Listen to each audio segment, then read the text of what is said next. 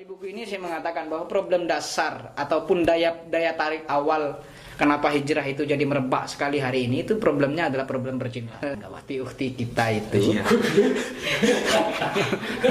yang ini yang apa ya? Saya pikir tuh eh syar'i gitu, syar'inya bagus gitu. Syar'i mengatakan syar'inya bagus, cuma kemudian quote-quote di sampingnya itu kok, Outputnya. Oh. kok banyak mengatakan kok ending-endingnya itu rasa-rasanya eh, cinta Menikah. gitu ya, menikah, Menikah. gitu. Jangan takut nikah muda.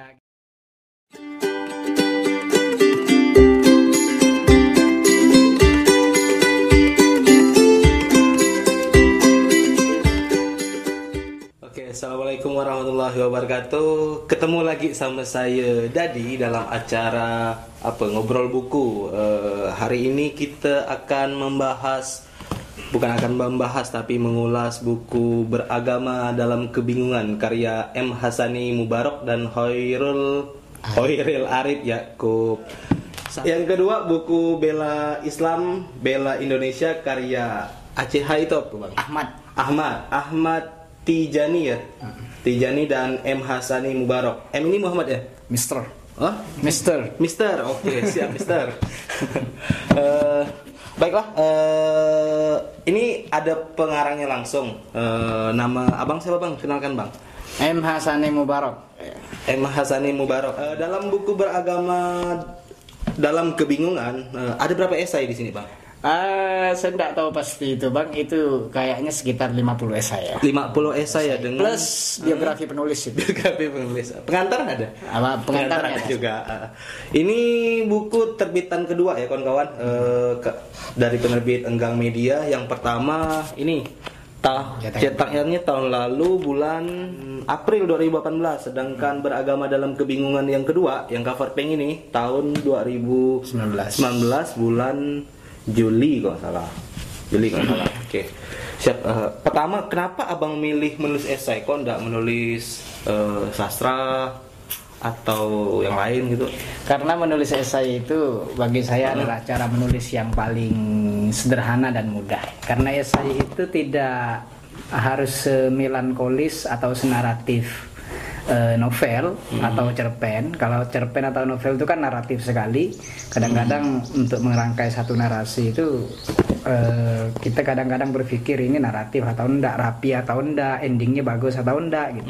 Tapi kalau esai itu lebih ke menulis sesuatu yang sifatnya reflektif, fenomena sehari-hari yang ringan, yang kemudian apa yang bisa kita tangkap, kemudian itu yang kita tulis, sedikit analisa dan opini di dalamnya. Itu saja yang menurut saya paling mudah dari sisi esai.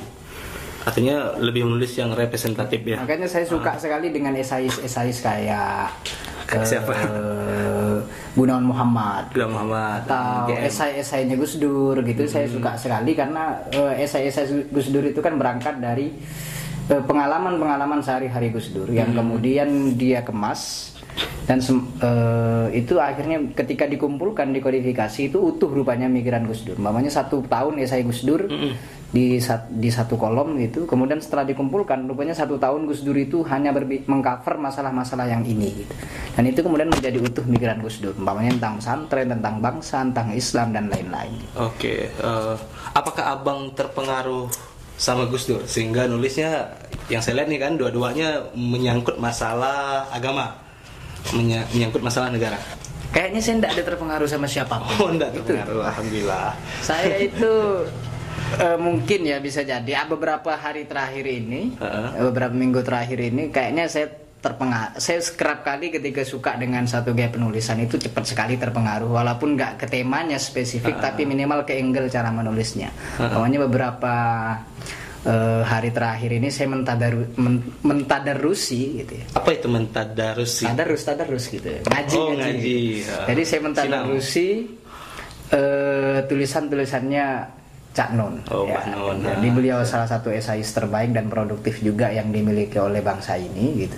Tulisan-tulisannya bernas dan bagus sekali. gitu. Orang-orang yang mencintai budaya, mencintai kehidupan, saya pikir mencintai agama dan lain-lain, saya pikir harus baca esai-esai Cak Nun gitu. Karena angle-nya bagus banget. Oke, eh, kalau dalam buku beragama dalam kebingungan ini dominasi esai temanya itu seperti apa, Bang? Esai yang paling banyak diangkat dalam beragama dalam kebingungan ini tentu esai-esai fenomena agama. ya. Fenomena agama. Fenomena agama kayak umpamanya di sini kasus-kasus tentang politik sedikit sih bang. Mm-mm. Eh, di sini kan umpamanya ada tentang dakwah, tentang ah, ada sat- satunya yang paling awal ini ya, tulisan saya memegang pedang kebenaran. Beneran. Itu hal yang paling menurut saya paling manifest dari buku ini yaitu bagaimana seorang itu dalam memegang kebenaran apa pun, kebenaran politik, kebenaran agama atau apa pun itu